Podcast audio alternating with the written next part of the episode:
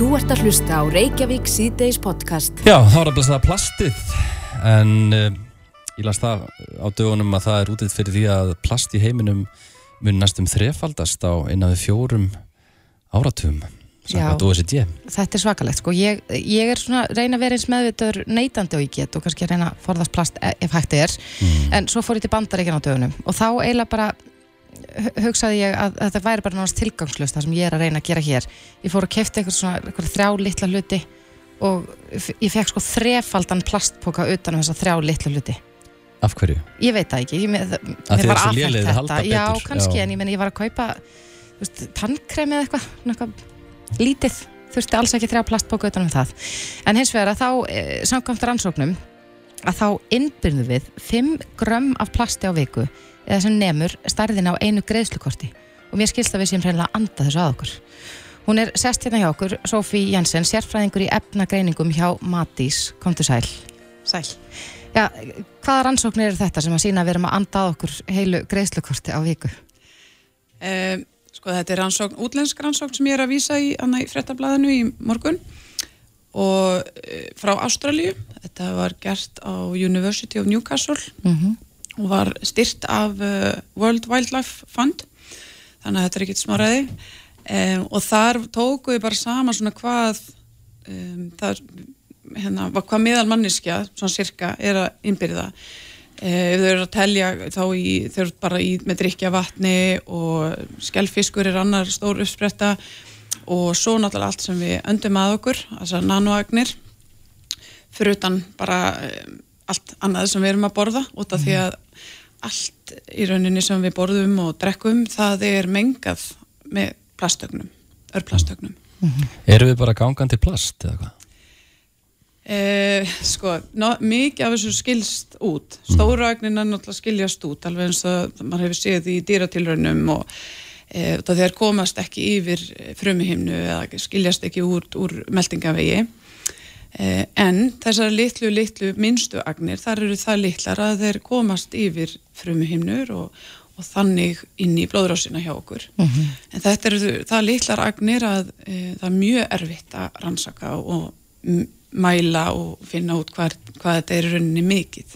Já, það er ekki langt síðan að við tölum um hér í þessum þætti sko að það hefur fundist plast í lungnavef hjá einstaklingum og einni í blóðrásinni. Og, og maður spyr sér þá, hvað getum við gert ef, er, ef við erum að andis að okkur, þetta er í matvælum, í skelfisk og út um allt, hvernig getum við hjálpa til þess að snúa þessar þróun við? E, Það sem ég er að reyna að segja, eða sem er málið með að takla þetta vandamál, það er að skrúfa fyrir krananum í rauninni. Og eins og það lítur út núna og e, bara það er að við erum bara auka plastframleiðslu á hverju ári e, og eins og Benni send- segir hérna að næstu, hérna, næstu árum það má mun þetta fjórfaldast. Um, og um, ég nota oft líkinguna við það að þú væri með rennandi krana í, í, eh, hérna, í eldhúsunni hjá þér með vatni og gólfið fullt af vatni.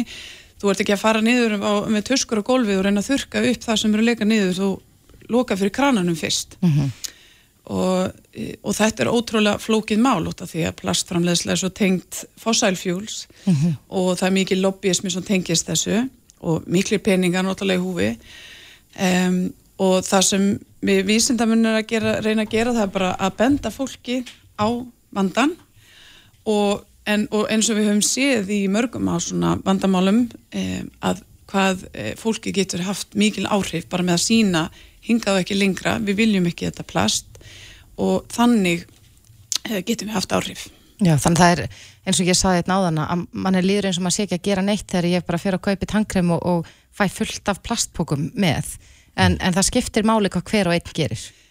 Já, en svo er búið að segja ekki gera ekki neitt og það því við þurfum ekki tíu fullkomna um, hérna, plastneytindur eða svona þeir sem er að afneita plasti heldur við þurfum bara fullt af fólki sem gerir eitthvað og e, það, þá mjög sýnir það kannski þau sem hafa eitthvað ákvörðuna vald að, að hvað við viljum og það þarf að gera eitthvað meira.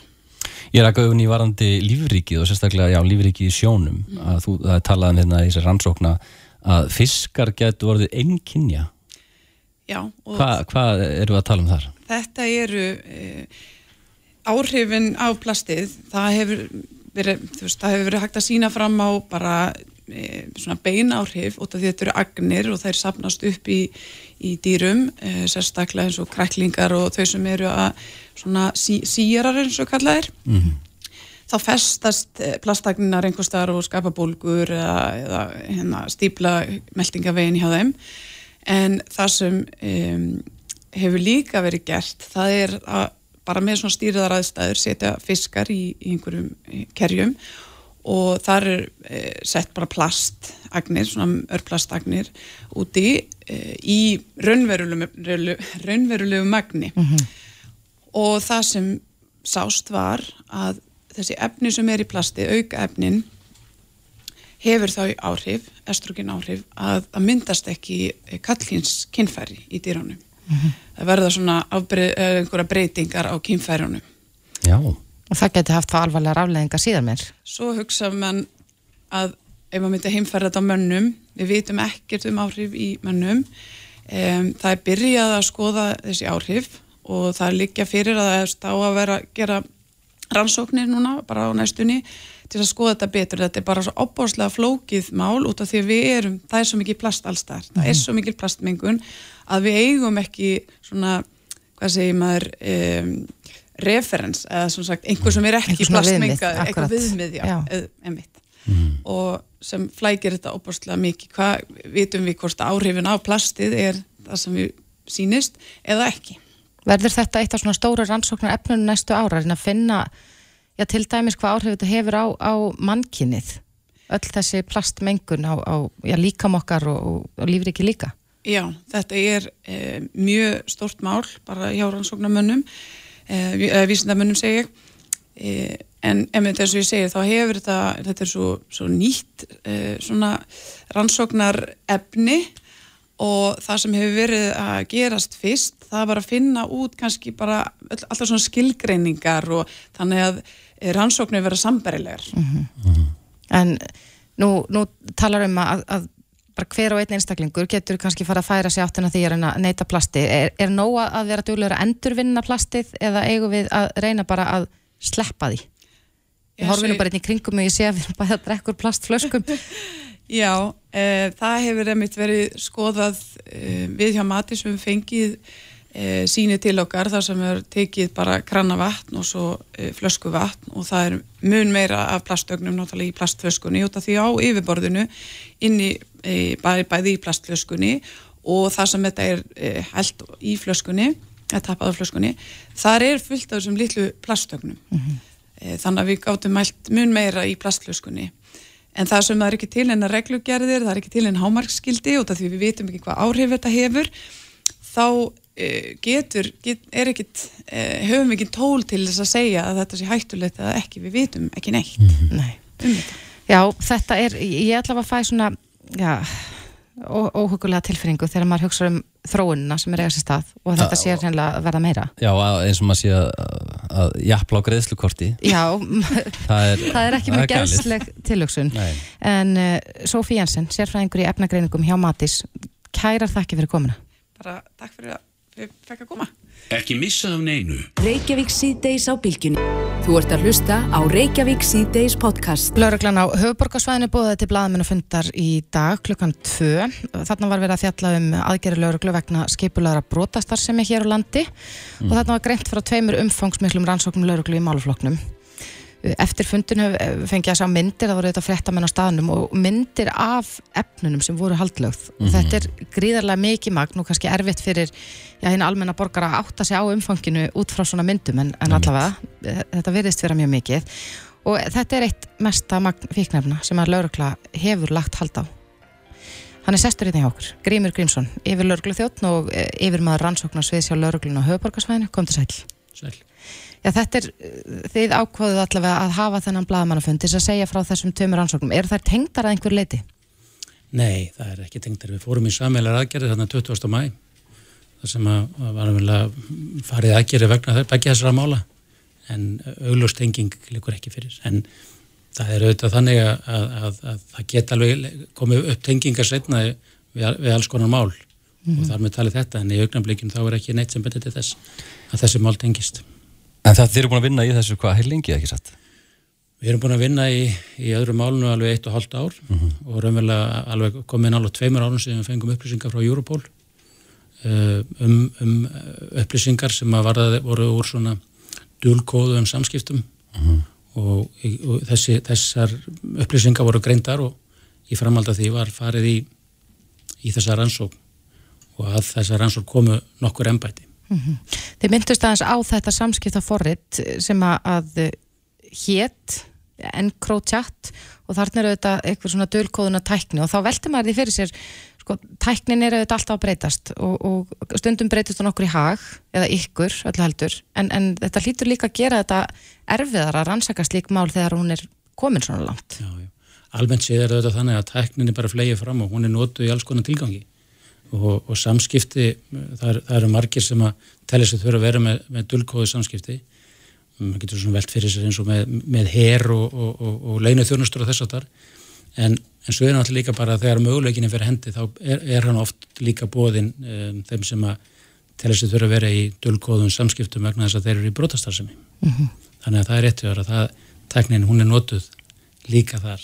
Já, en, en, en svona heilt yfir mynduðu segja að, að tæknin hjálpa ykkur meira en, en vinum gegn ykkur að það sé nú svona bara kannski begja blands Já, en þetta er, þetta er gríðarlega mikið magn af efnum sem að þið uh, handlöðuð uh, Við erum að tala um hérna hvað, 200 stykki af kannablisplöntum, 30 kg mariana, 20 kg hassi, 7 kg MDA, kristall, alls konar. Já, þetta Já. er alveg langur listi og, og þá, eins og ég saði hérna áðan varandi myndirnar að það er erfitt fyrir, fyrir okkur að, að átt okkur á umfangin er hægt að setja þetta í samhengi já, við markaðin á Íslandi?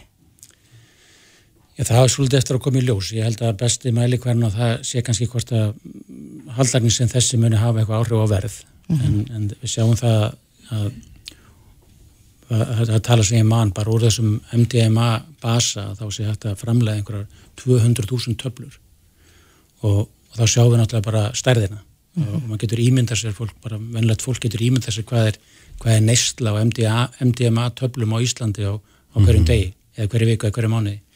Þannig að, að þetta er, þetta er gríðarlega mikið mann En þú talaði nú, hérna, varst að minnast hérna á verðið, er, er, er þetta svolítið nýr veruleiki hér á Íslandi að við séum að sjá já, svona mikið af efni sem er mögulega framleitt hér á landi, áður fyrir var þetta meira innflutt? Já, áður fyrir var meira, meira þannig að, að var einhver öll að öll efni voru einflutt þau efni sem er, hafa svona verið mest megnin sjá okkur eru e, það er hass og eða semst cannabis og síðan hefur, hefur það verið amfetamin og síðan er það kókain MDMA er svona kannski svolítið, svolítið, svolítið nýrra, ef maður svo má segja. Mm hassið kvarveila af hér á sjónarsviðinu í laust eftir hrun og þá verðist hafa náðst verulegur árangri í rektun á cannabis þannig að, rektunni hér og notkun á því sem getum kallað gras að það var, var bara markaðurum var, framleysla hér var, var, var nægileg fyrir markaðin síðan er það þannig að með amfetamin að það er, það er hægt að flytja það inn í á mismöndi stegum og þetta sem þið sáu þarna myndunum í brúsónum að þetta er basi. Og úr þessum basa er að framleiða með ákveðnum, ákveðnum hætti töf, annarkoð töflur eða þetta er MDMA basi eða amfetamin. Síðan er það þannig að, að, að, að hérna, maður getur að spurt sig basin sjálfur, er hann framleitu hér frá, bara frá skrats eða er hann fluttur hing, hingað inn? Og það myndi ég segja að væri begja blands, það væri hvort ekki að hluti hann eitthvað inn einhverjum hætti og síðan væri jafnvel þannig að það sé verið að, að, að fara alveg frá, frá upphafi í, í þeirri framlýslu. Ég segi eitthvað að það var lagt hald á 2 kíló kristall metanfenmíni. Er það, er það eitthvað, eitthvað nýtt fíknöfni eða?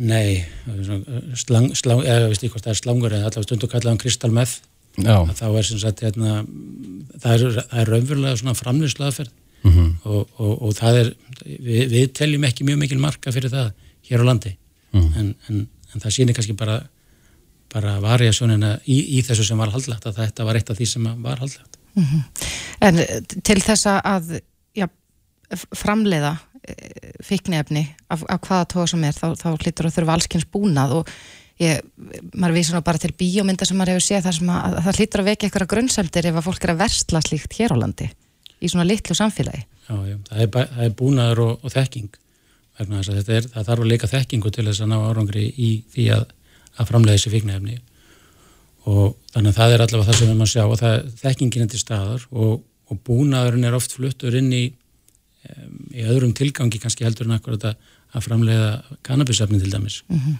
þannig að, að jú, það getur alveg vakið aðtegli þegar, þegar, þegar verður að selja einhver ákveðin tæki og tól sem samengisins vegna eru oftast notuð í þeim tilgangi að, að, að framlega fíknefni. Mm -hmm. En þið komið aðeins inn á það á fundunum áðan, eh, sko hvernig, já, já en almenni borgari getur mögulega komið, komið auga á einhvers konar rektun. Mm -hmm. Getur þú farað hans yfir það með okkur, svona ef maður vill vera já, mjög góður nágranni? Já, það, það er nú, veist, ég veit ekki hvort að þið hafi orðið varfið það, það mér, ég var stundum varfið það bara þegar ég er að gangi hérna um, um borgina, eða hjólandi, að maður verður varfið þess að sætu lykt Mm -hmm. Þannig að það, það, er, sko, það, er, það er aukningi því að fólk sé að, að neyta kannabisefna bara svona á, á almannafæri. En varandi ræktanar þá er það svona kannski ímis ímsi um, þætti sem geta vakið aðtegli svo sem eins og hár hittareikningur og, og eða rammasreikningur. Það þarf mikla orku í þessa framlýslu. Nú síðan er það náttúrulega það er þurft að vatn sem er í þessari framlýslu. Þannig að einhver, einhver svona vastjón geta bendið þessa eitthvað hefði farið úrskiðis í rektun mm -hmm. uh, og, og síðan er náttúrulega bara íbúð sem að enginn verið stega heimi en það er mikið, mikið rennir í að fólki er líka kannski merkjum það að það sé eitthvað kannski annað í gangi þar heldur en mm -hmm. heldur en, heldur en venjulegur heldur en venjuleg starfsemi eða venjuleg heimili mm -hmm. En, en þetta er eins og við hefum svo sem farið yfir hér að þá er þetta gríðarlega umfangsmikil rannsókn. Uh, hvers vegna ákvaðu það að, að búa til blagamannafundar í dag út af málunu eða málunum Já, sko, við erum búin að vera með þessa rannsókn í gangi núna í rúmlega eitt og hálft ár, þessa rannsókn sem að þessi nokkur ennbætti, þess að ríkislaugrustjórun og, og hérastagsstjórnur er við og, og laugstónum söðunissu sem hófum þessa rannsókn. Og höfum svo sem var notið noti líka aðstofar bæði frá lauglunum Suðurlandi og, og Totsins en þetta, þetta fyrir gangkvæmum fyrir nokkrum, já, nokkrum missurum á, á grundvallars uppsinga sem ég nefndi á þann síðan fórum við aðgerið 20. mæ og á þessum tímapunkti teljum við að, að, að, að við getum sagt frá því vegna þess að það sé ekki rannsóknar hagsmunni sem að komi í veg fyrir það að við getum upplýst um þetta. Mm -hmm. Okkur finnst mikið vart að láta almenning vita af því þegar, þegar, þegar við getum á hans að skemma rannsóknar hagsmunni þegar svona er í gangi.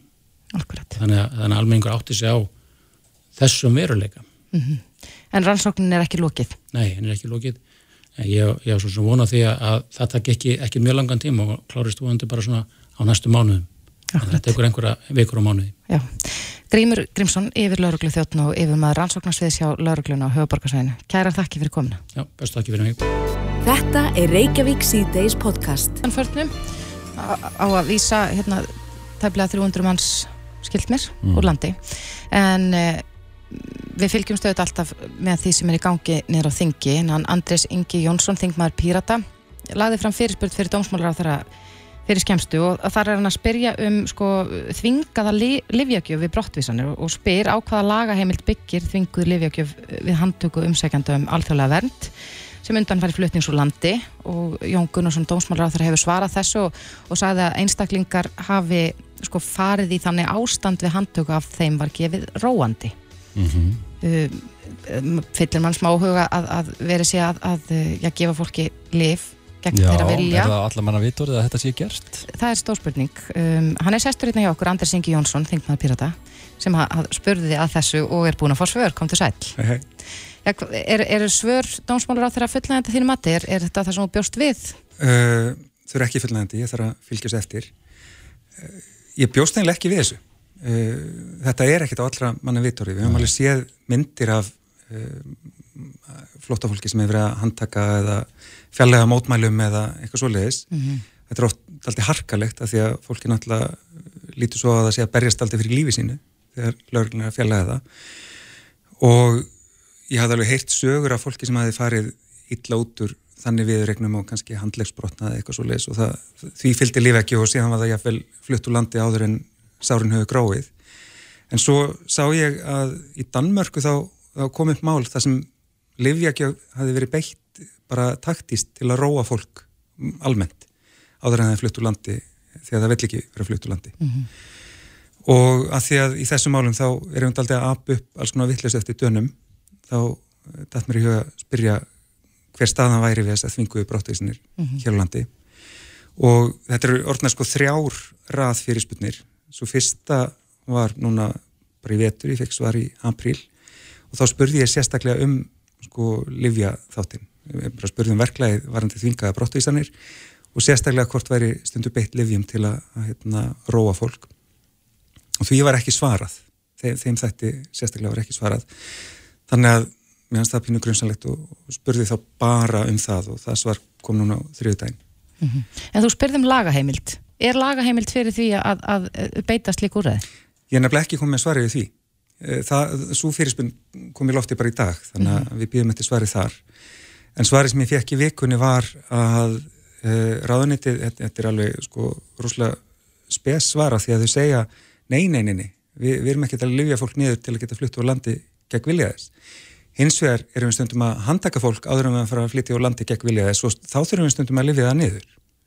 Þannig að, að sko það er, það er handtekið og lifjað og svo eitthvað tíma setna kannski setna sama dag, sendt úr landi en þau, þau svara eins og þetta séu óteknir atbyrðir og þá er með kvikna þessar spurningar. Hver er lagaheimildin?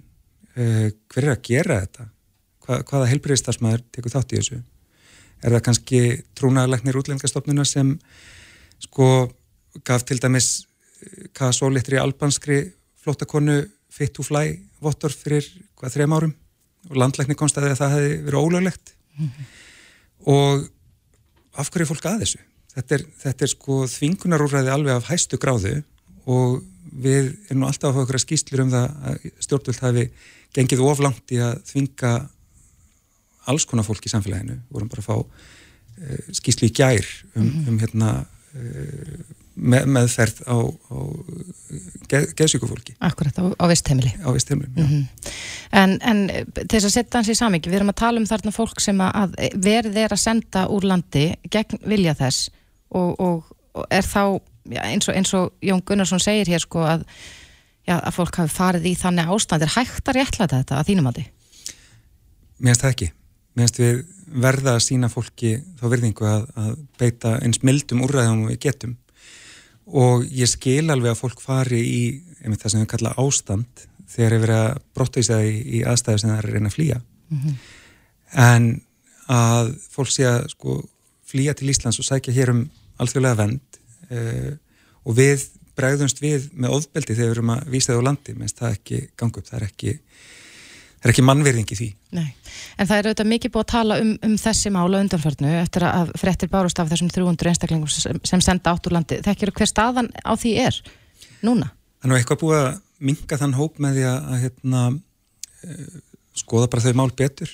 uh, þetta voru, í þessum hópi voru barnafjölskyldur og fólk sem var búið að vera hérna, það lengi að, að alls konar fresti voru búin að tikka inn þannig að það átti rétt á efnisleiri meðferð.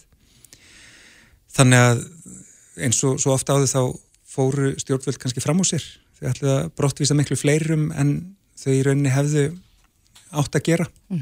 Og mér sýnist nú að ríkistunum sé hægt og bítandi að, að reyna að kroppa í hennan hóp þannig að þau, já, þau, þau viti upp á sig skömmina. Þau, þau vita að fólk er ekki til í stærstu brottvísinu Íslandsögunar bara strax á COVID leifið þeim. Nei, en það er, hefur líka verið tekist mikið á um, um sko, frumvarpi dómsmálar um útlendinga. Nú hefur því verið fresta til haustins. Uh, hvað er það sérstaklega sem er verið að takast á um varðandi það frumvarp? Sko er nú ímist slæm atrið í því en það sem að snýst um aðalega er þessi hópu sem, að, sem kom til fyrir nokkrum árum sem sko er búin að fá samþykta umsóknum alþjóðlega vend í einu landi Mhm. uh, segjum Gríklandi, það, það er svona algengast dæmið, en átt að segja á því því að það er þar að vendakerfið það er bara hættulegt við það. Uh, kannski er þetta fólk með sjúkdóma, fólk með börn það fær ekki helbriðistjónustu, fær ekki húsnæði, fær ekki framfæslu það er ekki örugt, það verður fyrir fordómum og bara alls konar vesen sem að, að fólk lendur í, í sérstaklega Greiklandi líka, Ítali og Ungurlandi og á fleiri stöðum. Þá leggur þetta fólk á flótta frá vendarkerfinu sem á, á að halda utan um það og kemur til Íslands. Og diplinareglugjæðin heimilar það að við bara sku, skurkum því beint yfir til upprunn ríkisins aftur. Uh, en þegar upprunnuríki getur ekki veitt í alvöru vend þá gengur það ekki lengur upp.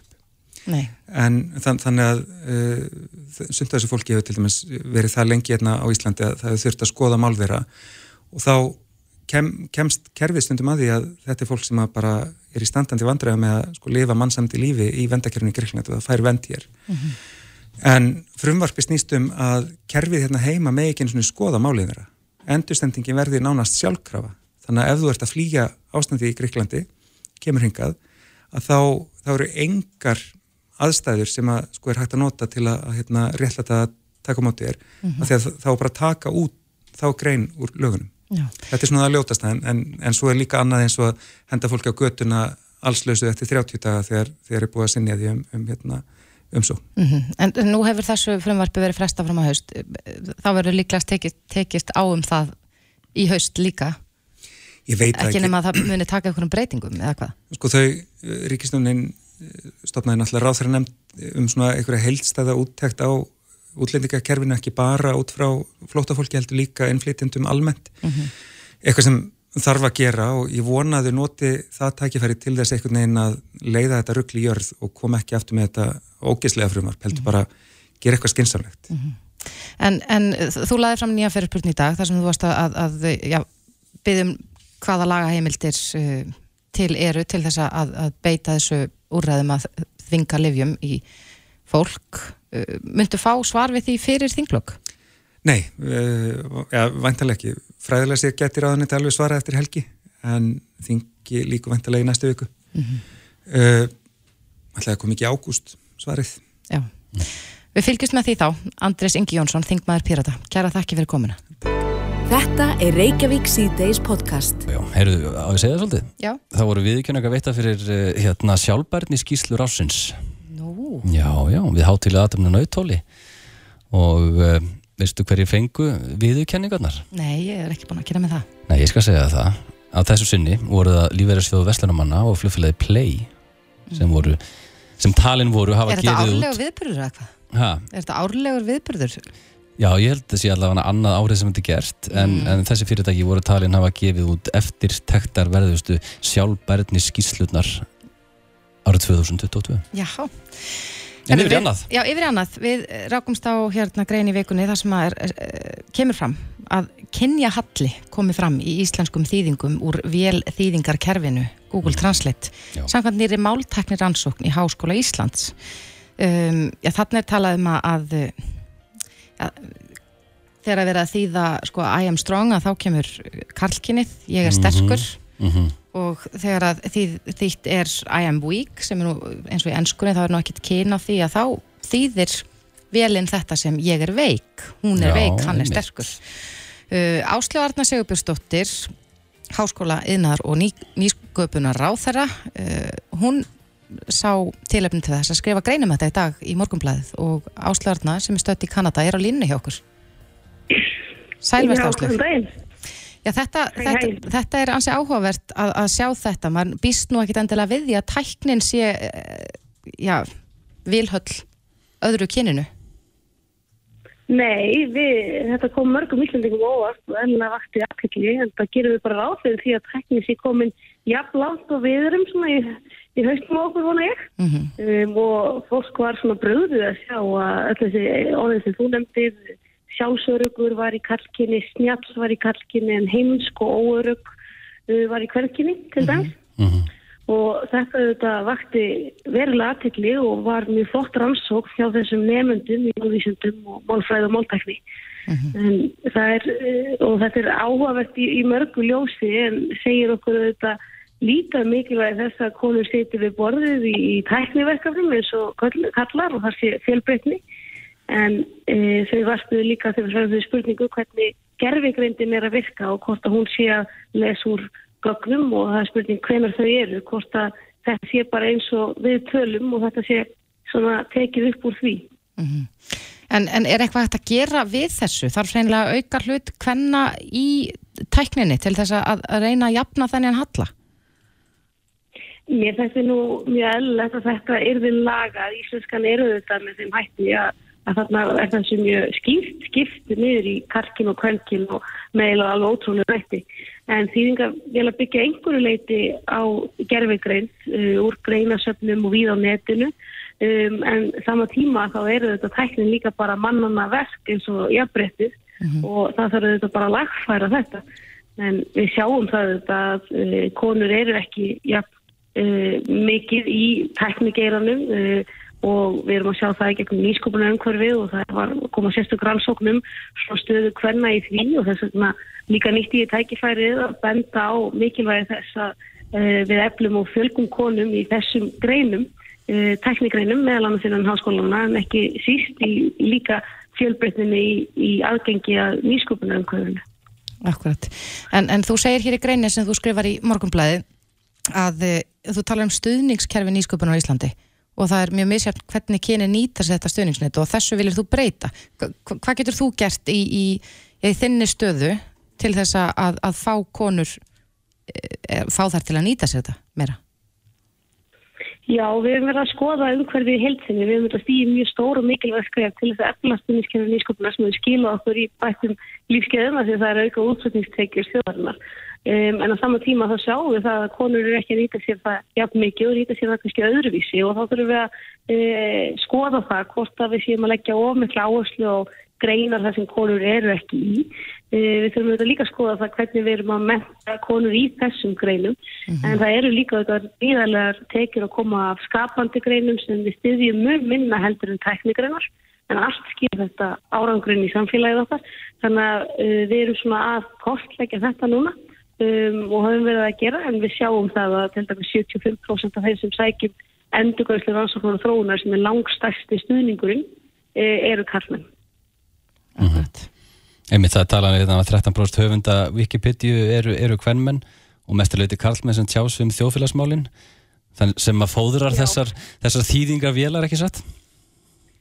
Jú, að einhverju leiti gera þau það og, og það verður áhugavert að heyra frá þessum uh, nefnendum sem eru sérfræðingar í þessu, hvernig þau uh, geta svona, hvernig þau myndir leggja til að, að þetta er þessi er breytt, hvort að það sé möguleikar hjá Google sjálfu að byggja þau um að, að skoða þetta varandi í íslenska uh, tungumálið. Um, en kynjaflið þetta leynist bara víða í samfélaginu og við þurfum bara átt okkur á því hvar vandamálið er í þessu og passa okkur á því að líka unga fólkið er nýtir þessar leitavélar mikið og allir og þetta, þetta gefur bara mjög skakkamynd af því hvernig og svona neik, ef tölvurnar eru að lesa neikvæðan tón í garð hvenna úr bara þáttu í þjóðfélagsumræðu úr þessum þýðingavélum að þá er það eitthvað sem við þurfum að breyta. Þetta er bara, tæknið er bara tól og þar þurfa allir að sitja við borðið og við þurfum bara að breyta því og láta ekki bara segjast að þetta sé bara svona. Nei, og ekki nóg að segja bara að konur þurfa að vera dugleira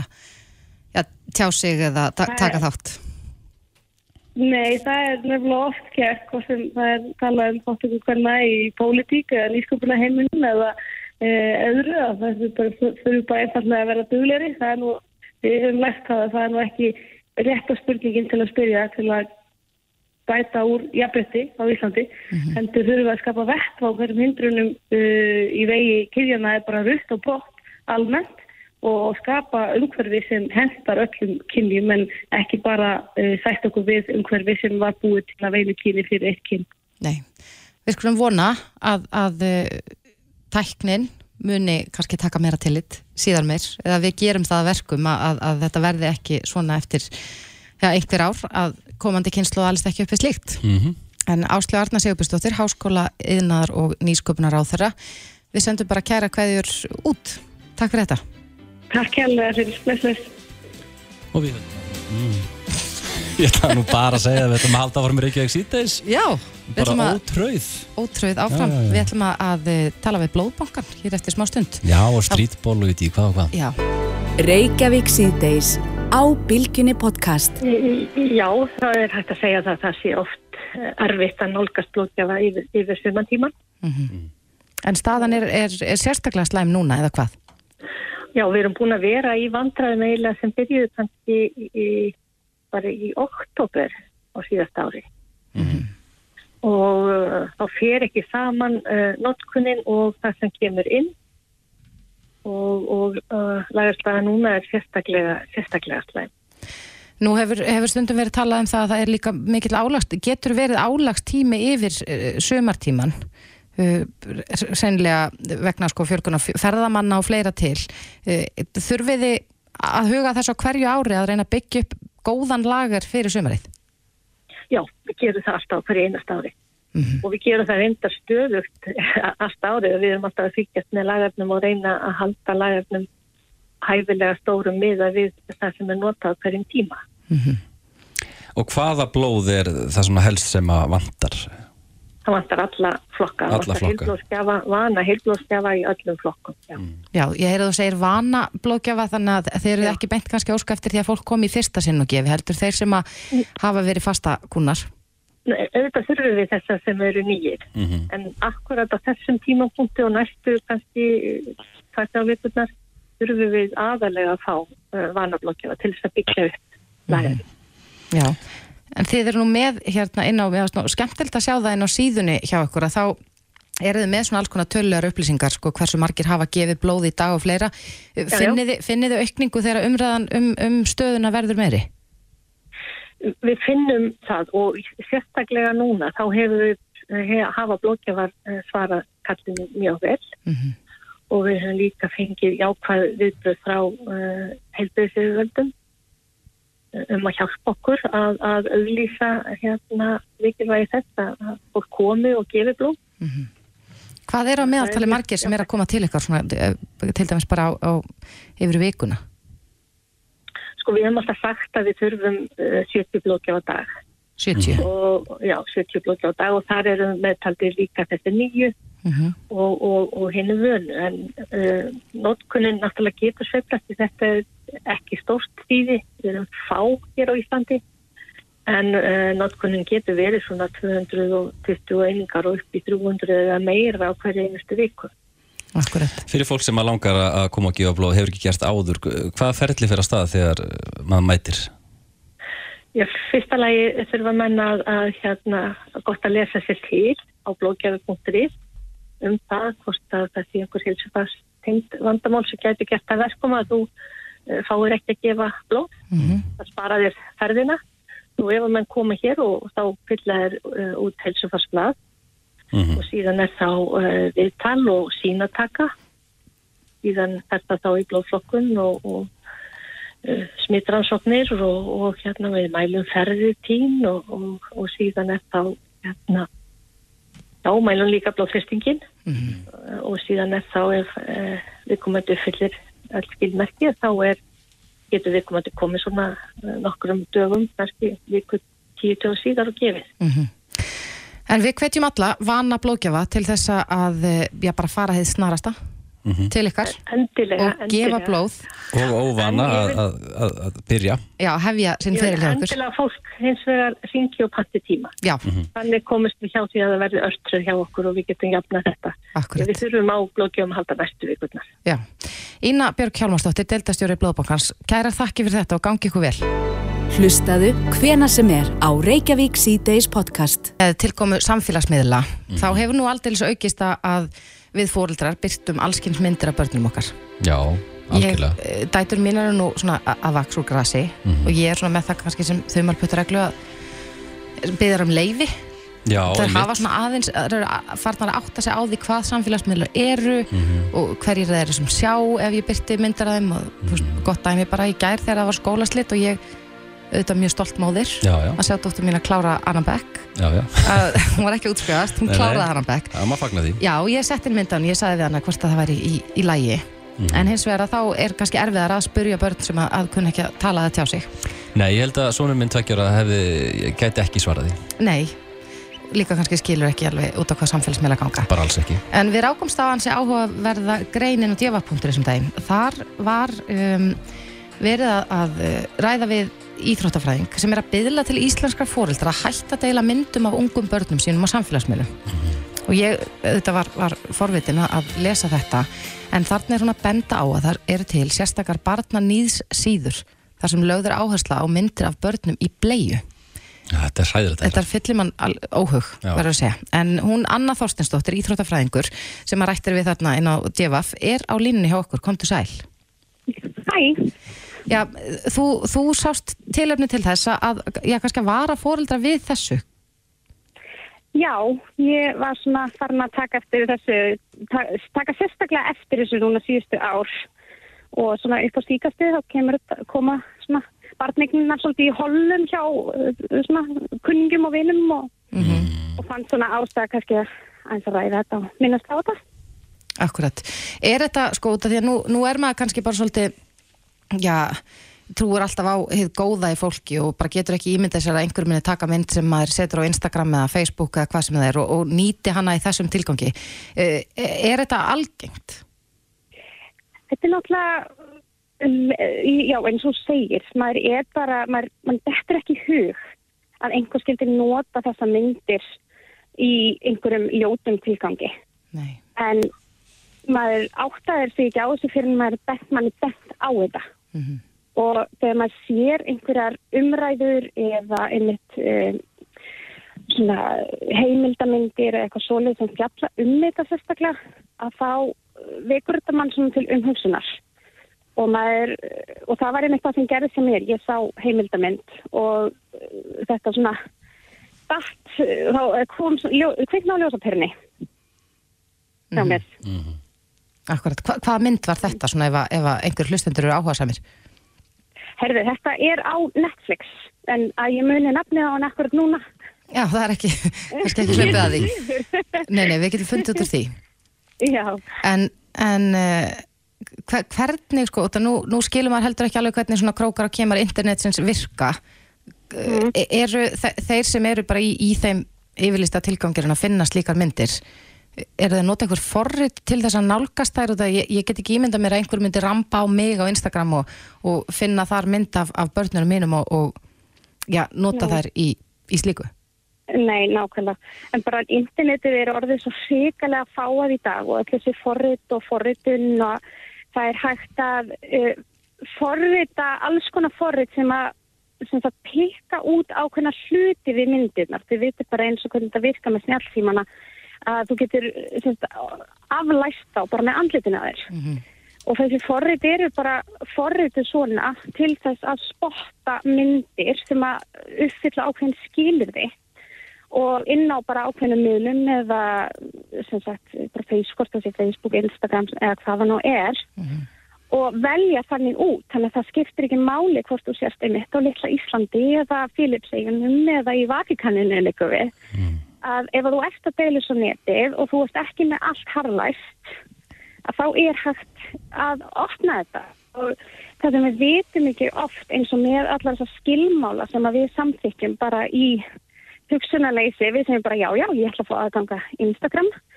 En við áttum okkur ekki alveg að því að það sem við erum að samþykja er í rauninni að gefa frá okkur höfundaréttin af myndunum okkar. Og þá er náttúrulega eins og interneti er nú ógnalegt að það eru alls konar databankar til sem að óheiðalegt og bara ljótt fólk getur keift sér aðgang að. En og er þá þú, er þetta bara komið. En þarf maður að huga að því hvernig myndum maður er að deila af börnunum sínum? Uh, Nú er ég búin að vera síðan að þetta fór svona pín og flug hérna fyrir nokkur síðan hjá mér, er ég búin að vera svona að kynna mér þetta ennþá betur af því að það sem sérstaklega stakk mig eigandi lítið batt núna var, voru bleiðmyndirnar og einmitt uh, heimil, þessi heimildamynd og umræða um bleiðubörnin og var verið að tala veist að þetta væri sérstakur undirflokkur ef að batni væri ennþá með naflastrengin og þess áttar og ég fór svo að skoða þetta aðeins bet, betur og kemur í ljós bara að það eru alls konar síður með all, alls konar undirflokkum. Og í rauninni er bara börn eru bara ekki örg á þessum meðlum það var, það er opnar síður inn á Facebook sem eru með alls konar fólki sem hefur þetta sammeila ef við getum afsækjum með, með betra orð, áhugamál og við erum að tala um bara fullklætt börn á 9-10 ára aldrinum og mjög óhugnalegar og ógeðslegar umsagnir. en er það þín tilfinning, Anna, að, að fóreldra séu orðnir meira vakandi fyrir þessu. Það eru örfa ár síðan að bæði umbóðsmaður barna hér á Íslandi og, og, og fórstjóri persónuvendar voru, voru í mm. fjölmiðlum að tala um að, að sko myndbyrtingar íslenskra fóreldra af börnum á samfélagsmiðlum séu bara hreinlega komnur úr hófi fram og þá kannski með til, Já. til svona persónuvendarsjóna með það. Eh, Ætli, ætli við fóreldra séu orðin, já, betri í þessu? Eru við farin að hugsa meir út í þetta? Það, mér finnst það rosalega mjög á milli fólks og oftast finnst mér það svona þegar ég ræði um þetta að þá finnst mér þetta snúast miklu meira um fattaran heldur en nokkuð tíman í rauninni hvort þú sést ósamalega sammála umræðinni. Mm þegar ég lend á fólki sem einmitt hefur ekki velt þessu, þessu nógu mikið fyrir sér að þá allt í hennu og, maður, og ég bendi á þessu hluti að þá er maður sér bara ljósa pyrna kvikna í augunum og fólki og það bara já ok, nú verður bara allt hugsa þetta snýstu, það er mjög fáir ég hef allan ekki nefnt á neinum sem er bara svona já en mér er alveg sama. Þú veist ég er bara ákveðið sjálf hvað ég er að gera. Nei, þetta akkurat. er meira snúast um að bara einhvern veginn að fá umræðina svona bara beint framann í andlita á sér þannig að maður fara að hugsa Akkurat. Já, ég held að þetta sé mjög góð, já, bara, bara vekur mann allavega svolítið til vitundar um þetta, Já, klálega. að þetta sé til. Mhm. Já og eins og, með, og ég sagði í greininu og minni umræði inn á Instagram að þetta, það er enginn sem að, það er enginn yllu vilja að þessu, maður er bara með þessu dásamlegu öfnablík af okkar allra heilagasta sem eru börnin okkar og við viljum deila því með öllum sem við þekkjum og auðvita og þetta er svo skiljanlegt af því að við erum stolt og við erum ánægð með börnin okkar. En, og við getum ekki ímyndað okkur einmitt að einhvern myndi horfa á þessar myndir og hugsa kynferðislega hugsanir. Nei, akkurat. Þetta er svo styrlu staðrind í okkar höf, höfði. En þetta er bara því miður staðrind. Já, tökum myndir það með þér og, og bara þökkum þér kærlega fyrir þetta. Anna Þorstensdóttir, íþróttafræðingur, í beinni frá Danmörku. Takk fyrir þetta.